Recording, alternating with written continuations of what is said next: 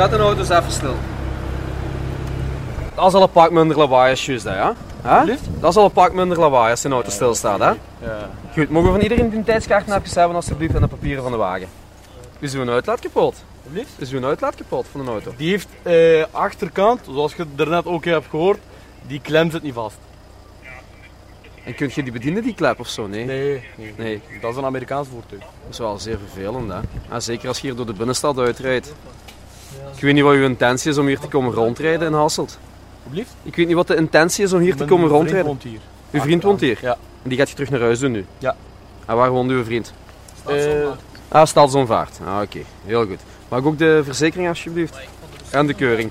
Hier. Het is al ver na tien uur 's avonds wanneer we deze jonge man in zijn grote Amerikaanse auto door de straten in de Hasseltse binnenstad horen scheuren. Het is een probleem dat ze hier wel vaker tegenkomen. Mannen die na het uitgaan rondjes gaan rijden op de kleine ring met de uitlaten van de auto open.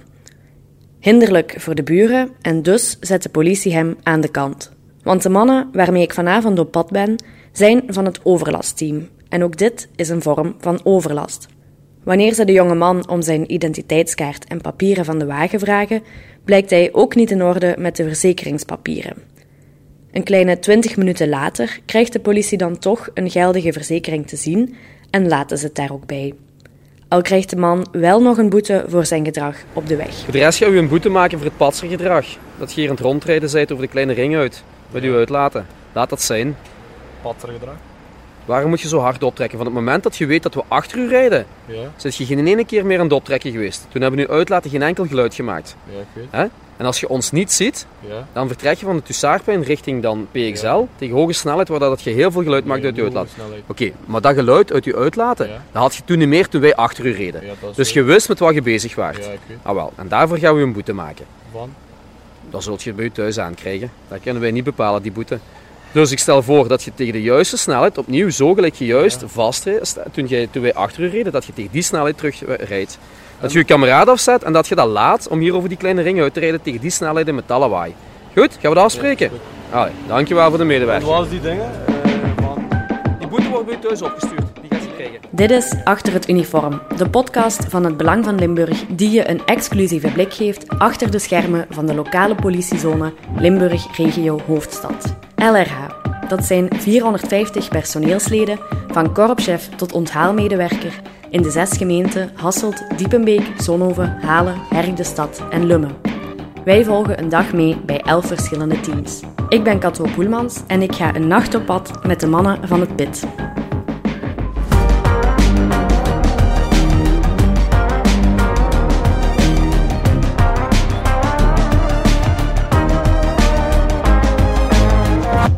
Een van die mannen van het PIT, of het project- en interventieteam, is Kevin Jansen, die je daarnet ook al hoorde. Hij is sinds 2019 de hoofdinspecteur van het team en elke dag werken hij en zijn inspecteurs op overlast. Zowel proactief door zelfcontroles te doen op overlastlocaties, als reactief wanneer de dispatching hen ergens naartoe stuurt. Maar wat wordt er eigenlijk bedoeld met overlast? Overlast, dat is, een heel moeilijk begrip. Hè. Iedereen heeft daar zijn eigen interpretatie van. Maar dat is ook niet aan ons om dat in te schatten, hoe, hoe mensen eh, overlast ervaren, om het zo te zeggen. Het is aan ons om dat probleem in kaart te brengen. En om te kijken hoe we daar iets aan kunnen gaan doen. Overlast is, heel, is een heel uitgebreid ver- verhaal daar ook in. Hè. Mensen, sommige mensen storen zich aan het feit van sluikstorten of van, van hangjongeren die op het pleintje hangen. Ik denk dat ook voor heel veel mensen, gelijk wij het ervaren naar ons overlastfenomeen, is het onveiligheidsgevoel wat er heerst. Ja, Ik denk nu maar, als jij s'avonds in de stationsbuurt rondloopt en de sociale controle valt daar wat weg, dat je onveiliger voelt. Dat wel. En dat zijn de momenten dat wij er proberen te zijn. Het is niet dat je ons niet ziet omdat we een burger werken, dat we er niet zijn. Maar we proberen dat wel altijd zo in kaart te brengen, ook op, op speeltuintjes.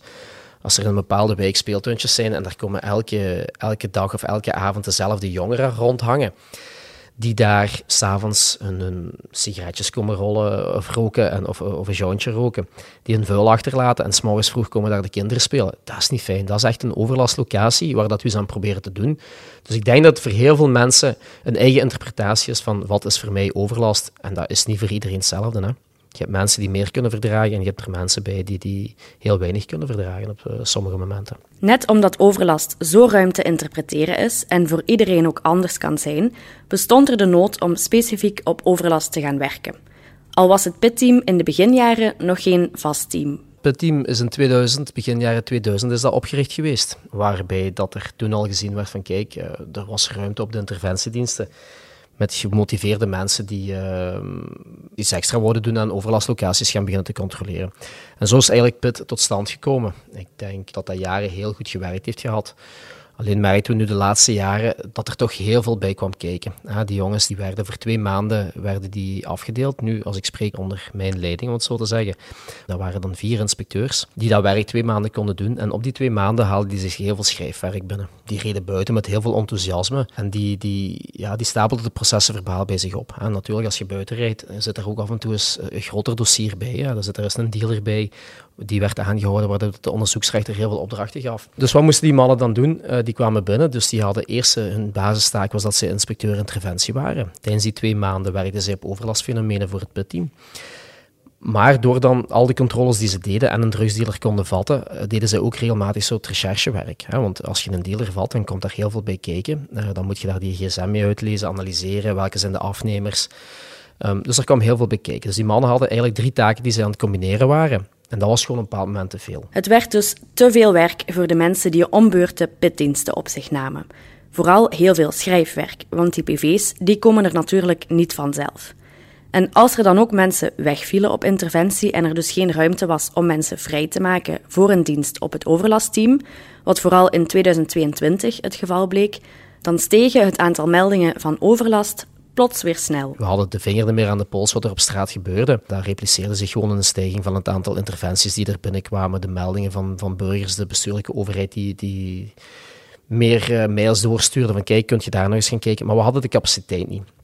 En dan zijn we gaan beginnen te kijken, hoe kunnen we dit probleem oplossen? En dan zijn we eind augustus samen met de commissaris Jannik van Herk, zijn we dan bij de korpschef geweest. En hebben we gevraagd van, kijk, wat zijn de mogelijkheden? We hebben dat volledig uitgewerkt om tot een vast overlastteam te komen. We hebben daar de korpschef in kunnen overtuigen. Dus dan zijn we eigenlijk een half jaar, sinds augustus vorig jaar, zijn we bezig, met, bezig geweest met de uitrol daarvan. Van, hoe gaan we dat aanpakken? Welke mensen gaan we daarvoor selecteren? Hoe gaan we werken? En wat zijn onze, onze basistaken waar dat we zeker aan willen voldoen? En dan hebben, zijn we 1 januari 2023 zijn we kunnen starten met vier inspecteurs en één hoofdinspecteur die dagelijks bezig zijn met de overlastlocaties op de hele het grondgebied uh, aan te pakken. Dat is een beetje de groei geweest. Sinds 1 januari is er dus sowieso één overlastploeg per dag op het terrein. In het weekend vaak zelfs twee ploegen. En is ook het takenpakket duidelijk afgebakend. En zo'n vast team met steeds dezelfde inspecteurs dat is volgens Kevin een groot voordeel bij het werken op overlast. Ja, waarom? Wij werken heel uh, reactief. Dus onze controles, als wij naar een bepaalde overlastlocatie gaan, wij controleren daar ook heel veel. We controleren die jongeren, we brengen die in beeld van oké, goed, wie is hier aanwezig op dat pleintje? Uh, wie zorgt er hier uh, voor die overlast of voor dat onveiligheidsgevoel? Zodat we ook een beeldvorming krijgen van in een bepaalde wijk wie zit er hier nu allemaal en wat is hier eigenlijk allemaal aan de hand? het is niet dat wij altijd iedereen uh, beginnen te fouilleren en te controleren. Wij praten ook heel veel met mensen. En zo krijgen we ook heel veel informatie van, van wat leeft er, wat leeft er bij die jongeren, waar hebben ze het moeilijk mee en, en hoe kunnen we dat probleem aanpakken. Dus we proberen altijd wel een dialoog te gaan met die jongeren. Ja, dat is altijd wel de insteek waar we, dat we mee bezig zijn. Ze kennen ons allemaal. Je kunt een band creëren met die jongeren. zij weten onze manier van werken en wij weten hoe zij reageren. Het is niet dat we de eerste keer bij die jongens komen en, en moeten liggen zoeken of, of die zaken. Nee, we gaan er naartoe, ze weten wie, wie, we zijn, wat we doen. Ook al vragen we dan, heb je iets bij waar je niet mag bij hebben? Gaat dat van messen tot verdovende middelen? De meesten geven dat ook al dadelijk af, omdat ze weten dat ze toch gecontroleerd gaan worden. En dan overhandigen ze ons dat meestal ook wel. Op dat gebied is dat wel een leuke manier van werken. Maar dat is voor ons werking ook een nadeel. de meeste van ons zijn van Hasselt. We zijn hier opgegroeid, ze kennen ons ook heel snel. Um, dus heel anoniem zouden we nooit altijd zijn. Maar het heeft wel altijd een voordeel om uh, met de vaste mensen te werken. Ja, dat wel.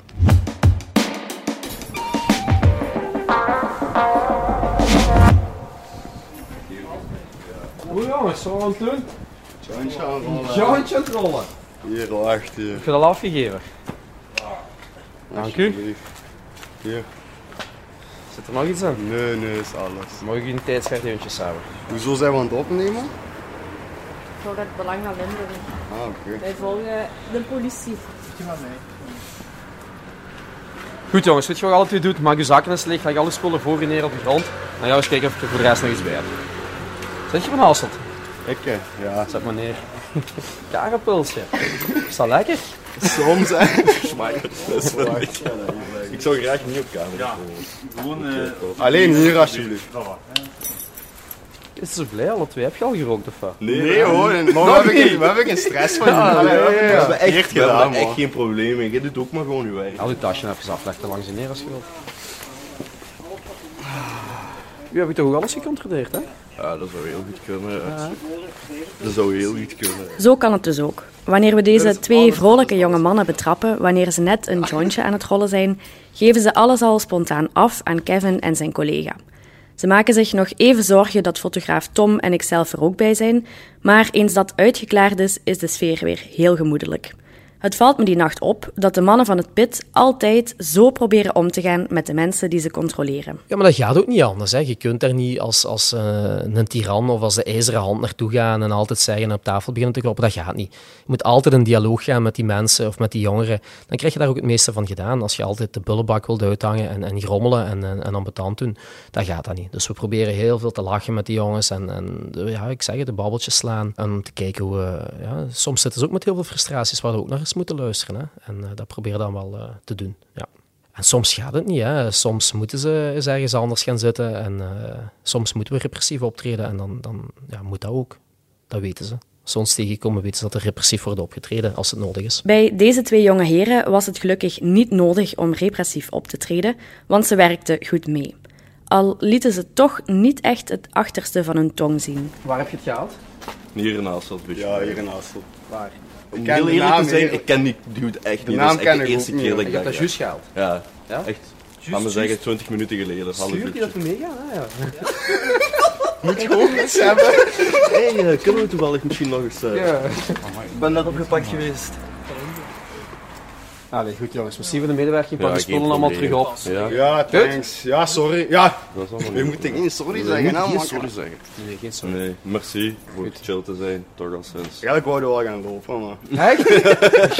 Maar ik, zei, ik zei dat al, ik, zag, ik zag u daar zo aankomen en ik zag die juffrouw daar zo achteraan lopen. Zo. Ik zo, maat, dat is een flik hè. Hij zo, maat, kom lopen. hè. ik zeg zo, "Mm, misschien toch beter niet. En toen zag ik u langs die kant komen en ik dacht zo van, ja, never mind, als ik hier nu overspring, dan zit jij daar.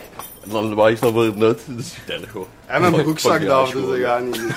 Dat ik al zien eigenlijk. Hey, jongens, aan mij. goedenavond nog. Allee. materiaal geweest, man. Ik weet het, maar wij zijn, wij zijn Pepsi en Kokkie. Ja, maar ik denk het ook jongens. Je pakt je dingen maar op. avond. Sorry, ciao, ciao. Helaas hebben we dus geen achtervolging van deze jongens meegemaakt. Want dat was, zoals fotograaf Tom al zei, schoon podcastmateriaal geweest. Maar goed, de gemoedelijke aanpak van de mannen van het overlastteam werkt dus wel. Want zonder al te veel moeite gaven de jongens alles af en werkten ze spontaan mee. Maar ook meer algemeen bekeken, de aanwezigheid van Pit op straat is een succes. Ja, we zien dat dus het, het verhaal van 2021, dus dat was het topjaar. Toen hadden we ehm, heel veel volk, dus hadden we die vier mensen constant op het terrein aanwezig. En toen zaten we aan een 2000 processen verbaal die we hadden opgesteld. Van die 2000 processen verbaal hadden we er een 900 voor eh, drugsfeiten. Ja, daar zitten heel veel kleine gebruikers bij. Eh, mensen die ehm, gepakt worden met een jointje of een op zak of eender wat. Maar er zaten ook heel wat dealers bij. We hebben eigenlijk door, je zou dat niet zeggen, maar door controles op het terrein te doen, kom je soms wel in situaties terecht dat je zegt van, oh, wat is er hier aan het gebeuren? Ik denk dat we de, de Nederlandse runners die naar hier komen om de lokale heroïne-junks te voorzien van, van eh, heroïne, zo hebben we er een heel deel gepakt. En als je dat allemaal optelt, dan krijg je in 2021 heel mooie cijfers, waar dat we 2000 eh, processen verbaal hebben opgehaald.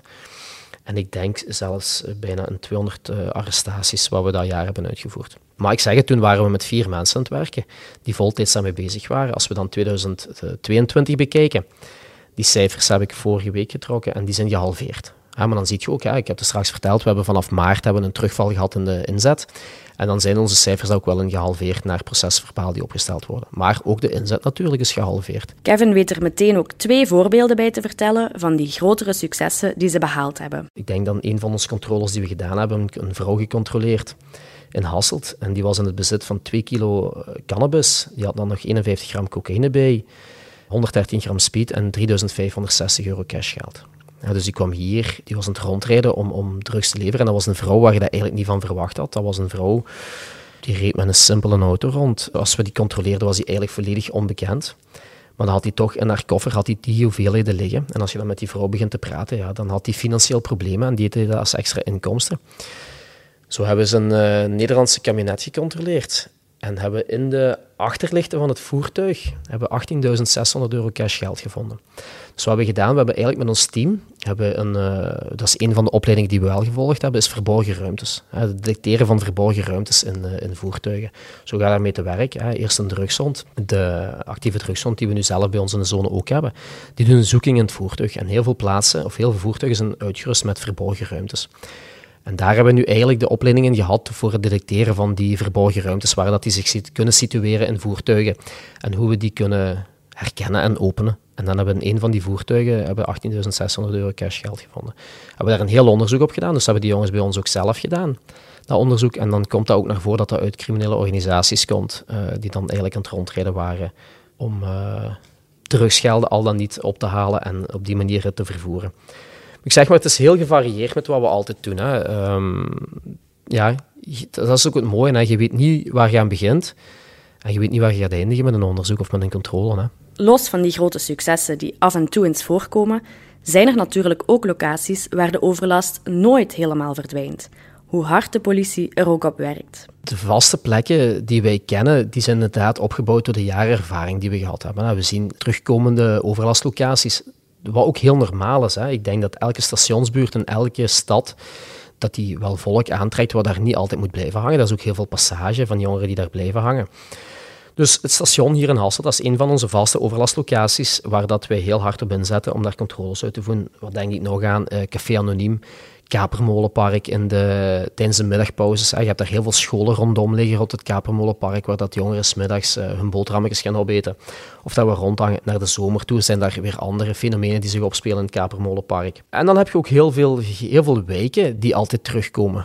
Je ziet dat altijd heel veel evolueren. Van, van jongeren die uh, 14, 15 jaar, die beginnen zich te manifesteren in een bepaalde wijk. En die jongeren die, die groeien, je ziet die, je leert die kennen en je ziet dat zo naarmate dat die in de jaren 20 komen en die beginnen eh, gesetteld te geraken, vriendinnetje, werk, dan zie je ook weer terug weggaan. En dan keert de rust meestal in die wijken ook wel weer terug. Maar dan is de volgende jeugd alweer daar. Hè. Uh, dat stopt nooit. Er zijn wijken die, die niet terugkomen. Maar je hebt wijken die er altijd blijven opstaan en die wij ook altijd blijven controleren. Hè, zonder daar een naam te gaan noemen zonder daar ergens een veiligheidsgevoel te willen creëren in bepaalde weken. Maar dat zijn weken waar dat we meer zitten dan in andere weken, dat klopt. En overlast is sowieso ook geen fenomeen dat zich beperkt tot centrumsteden. Want ook in de andere gemeentes van de politiezone is het PIT actief. De vier pitters die zijn elk verantwoordelijk voor een uh, aparte gemeente. dus zij staan in contact met de wijkagenten in de gemeentes waar dat zij verantwoordelijk voor zijn. En ze krijgen die feedback daar ook van binnen. Dus ik zeg nu maar, als de wijkagent van Zonhoven ergens een, een probleem situeert, en die geeft dat door aan een van mijn putters, dan wordt daar ook heel fel op ingezet. De flexibiliteit die we nu hebben door vast, vast overlastteam te hebben, wil ook zeggen dat we heel snel kunnen schakelen en heel snel problemen kunnen aanpakken binnen de zones. En dat is over het hele grondgebied. Ja, dat is van, van Hasselt of van Diepenbeek tot een Halen. Dat is, uh, overal uh, zitten wij. Een van de vaste locaties die Kevin net al noemde, is het station in Hasselt. En daar zijn we die nacht inderdaad uitgebreid een controle gaan doen. Eigenlijk was alles in die buurt heel rustig en dat is vooral sterk verbeterd sinds de kraakpanden daar verdwenen zijn. Maar in de hal van het station herkennen Kevin en zijn collega wel twee daklozen. Ze willen hen naar de shelter sturen, een noodopvang waar ze kunnen eten, zich wassen en slapen.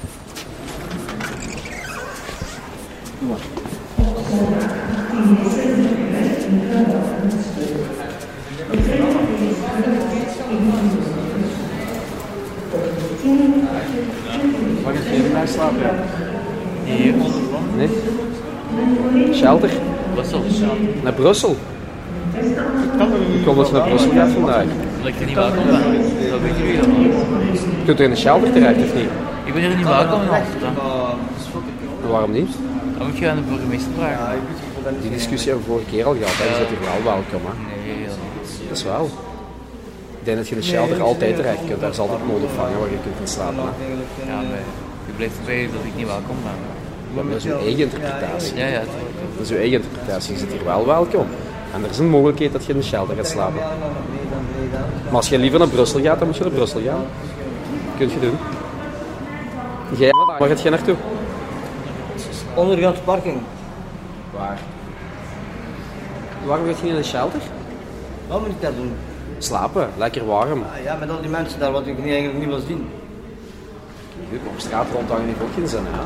Of ondergronds gaan zitten. Nee, toch bijna niet meer. Wat zeg je? Wat is Nee, dat toch bijna niet meer. Nee, dat klopt ook. Ja, ja, ga naar de shelter, ja. Ondergrond, als die ondergrondse parkings heeft geen zin, ja. Altijd problemen met shelter, altijd problemen met jullie. Brussel ben ik rustig, te stil, rustig. Je zit blijf met rust. Allee, goed jongens. Als je niet geholpen wilt worden, dan eh, gaan we niet verder. Ja, het wel. Goed? Allee. Toch, bedankt. Dag. Deze mensen wilden helaas niet naar de noodopvang gaan. Maar hen dwingen heeft ook geen zin, want dan zijn ze uiteraard ook weer vrij om er weg te gaan wanneer ze willen. Hoe frustrerend het dus ook is, niet iedereen wil geholpen worden. Ja, kijk, ik denk dat er in Hasselt heel veel instanties zijn die eh, instaan voor de hulp van eh, ja, daklozen. Ah, daklozen wil niet zeggen dat het allemaal eh, junkies zijn of, of druggebruikers zijn. Er zijn heel veel mensen die door financiële problemen op straat komen. En dat is een heel ander gegeven. Hè. Dus die mensen die door financiële problemen op straat terechtkomen, die willen geholpen worden. Hè. En als we die doorverwijzen naar de shelter, waarvoor dat de stad heel veel grote inspanningen doet om die mensen onderdak te kunnen geven, dat die daar ook wel naartoe gaan. Maar we hebben onze vaste pappenheimers, hè, die hier in Hasselt gevestigde waardes zijn. En die niet geholpen willen worden. Hè. Het moment dat zij door het OCMW een woning ter beschikking krijgen, ja, dan, dan zien we ook dat zij daar één jaar, twee jaar in wonen. Dat zij ondertussen zoveel andere van hun vrienden hè, slechte invloeden binnenkrijgen, waardoor dat OCMW genoodzaakt is om die mensen hun woning terug af te pakken, omdat het voor de andere buurbewoners of, eh, niet meer haalbaar is om die mensen daar te laten wonen. En wat gebeurt er dan? Dan komen die mensen terug op straat. Dus dat zien we wel heel fel. Van die mensen krijgen heel veel kansen, maar die hervallen ook heel snel terug. En samen met de stad proberen we oplossingen te zoeken, maar die mensen moeten zelf ook geholpen willen worden. En dan zien we ook wel dat dat niet altijd hetzelfde is.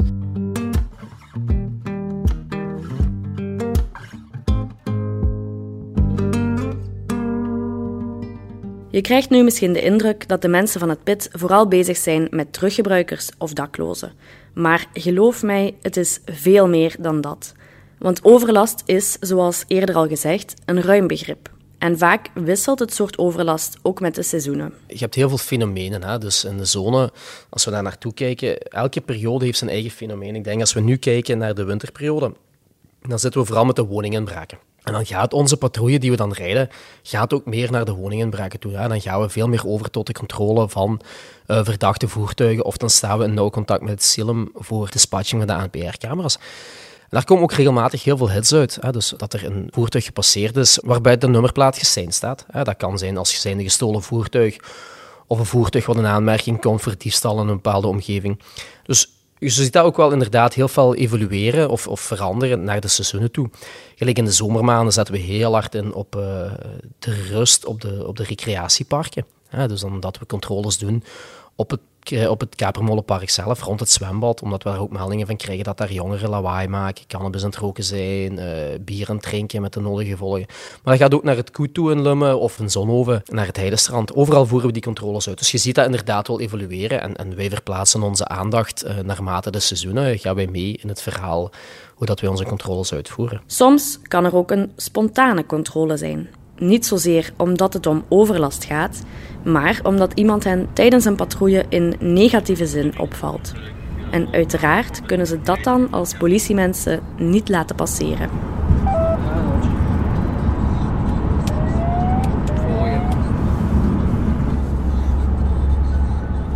Hoe snel race hij? Ja, is was 160, 170 hè. Een stuk waar op 70 waar is 70 mocht 110. Is dat genoeg om je rijbewijs te verliezen? In principe wel. Ja, als we hier voor de magistraat bellen, kan hij het overgaan tot een onmiddellijke intrekking ja, in zijn rijbewijs. Dus kijken wat we te vertalen hier.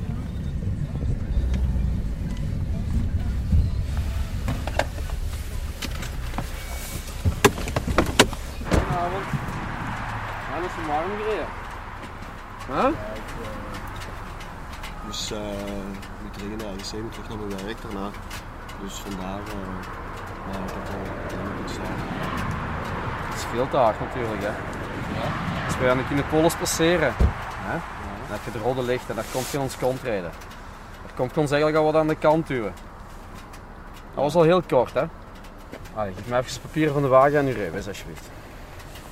En waar moet je dringend naartoe? Oh, jij moet even iets ophalen in, in Genk. Voor, eh, ja, voor, omdat we dingen zonder eh CCML zitten. Zonder? CCML.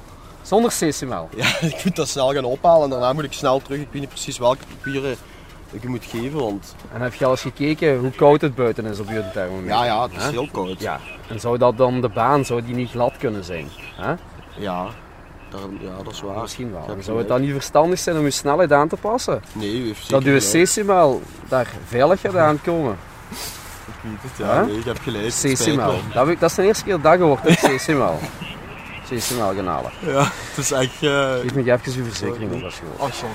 Dit was dus weer iets totaal anders dan wat we de rest van de avond en nacht meemaakten toen we met het overlastteam op pad waren. En laat net die afwisseling in het werk hetgeen zijn dat Kevin het meeste aanspreekt. dienst gaan met een leuk team en niet weten wat de dag brengt, is, eh, is heel leuk. En zoals straks ook gezegd, we doen een controle en vanuit die controle kan heel veel werk met zich meekomen. Waarbij dat er huiszoekingen moeten gedaan worden, hui- eh, verhoren gepland worden. En die afwisseling, dat is gewoon heel leuk. Dat kan zijn van, van een banale controle, totdat we ergens, eh, ja, gelijk straks gezegd, dat je daar 18.600 euro vindt in een auto. De afwisseling, dat is het mooiste wat er is. Wat ik nu mee kan doen als hoofdinspecteur van het overlastteam, is dat ik zowel beleidsmatig kan meedenken van kijk, goed, hoe gaan we aanpakken van, hè, hoe gaan we onze overlast aanpakken, maar ook met de gerechtelijke overheden van wat hebben we nodig om onze werking te vereenvoudigen. Dat kan gaan van, het, van de middelijke schikkingen, voor drugsfeiten, voor wapens. Hè. Daar hebben we vanuit LRH samen met het parket volledig mee ondersteund. En het PIT-team was daar een van de, de voortrekkers van. Hè. We komen heel veel op het terrein, we stellen heel veel middelijke schikkingen voor, voor de wapens die we aantreffen bij jongeren, wat, een heel groot probleem aan het worden is. Maar ook voor drugsfeiten. En dat is een van de leuke zaken. Hè. Dus als hoofdinspecteur kunnen we dat mee ondersteunen. Maar ik kan ook nog mee buiten het terrein op, hè, waardoor dat ik de voeling blijf houden met de werking op het terrein. En die afwisseling, dat is gewoon, dat is gewoon altijd heel fijn. Hè. Het is volgens Kevin niet alleen leuk om het werk te doen, maar het is ook heel nuttig werk. En dat ze het verschil maken, blijkt ook uit de interesse van andere politiezones voor hun werk. Het verschil gaan we altijd maken. Door aanwezig te zijn op straat gaat je altijd de pakkans vergroten. Dus ik denk dat we altijd wel ergens het verschil kunnen maken. Waaraan zien we dat ook? We merken nu ook van de vraag van andere zones, die nu weten dat we met een vast overlastteam bezig zijn, die de vraag stellen van hoe doen jullie dat? Waar haalt je dat volk? Eh, hoe is uw werking? Eh, hoe zit het aan elkaar? We hebben de vraag nog gekregen van de politie van Leuven, die daar ook heel hard op inzet om eens een themadag te organiseren voor alle zones in Vlaanderen. Waardoor dat we vanuit LRA ook kunnen gaan voordragen van kijk, zo werken we met het PIT-team, zo werken we met het overlastteam en dat in onze insteek, dat doen we.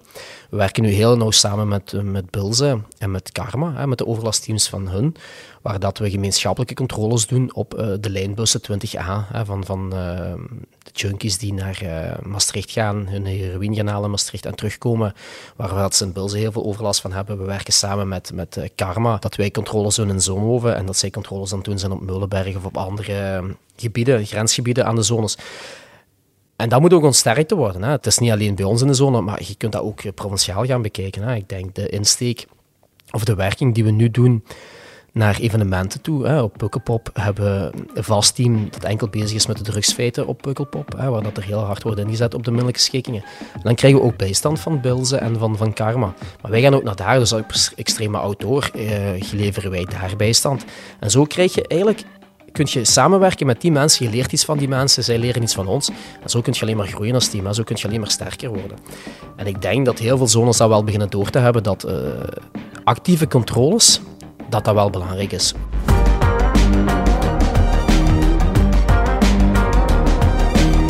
Achter het uniform is een podcast van het Belang van Limburg, geproduceerd door mezelf, Cato Poelmans. Montage en afwerking door de buren. De muziek is het werk van Stef Leenaerts van House of Media. Chef podcast is Geert Nies. Reageren op deze aflevering kan via podcast.hbvl.be.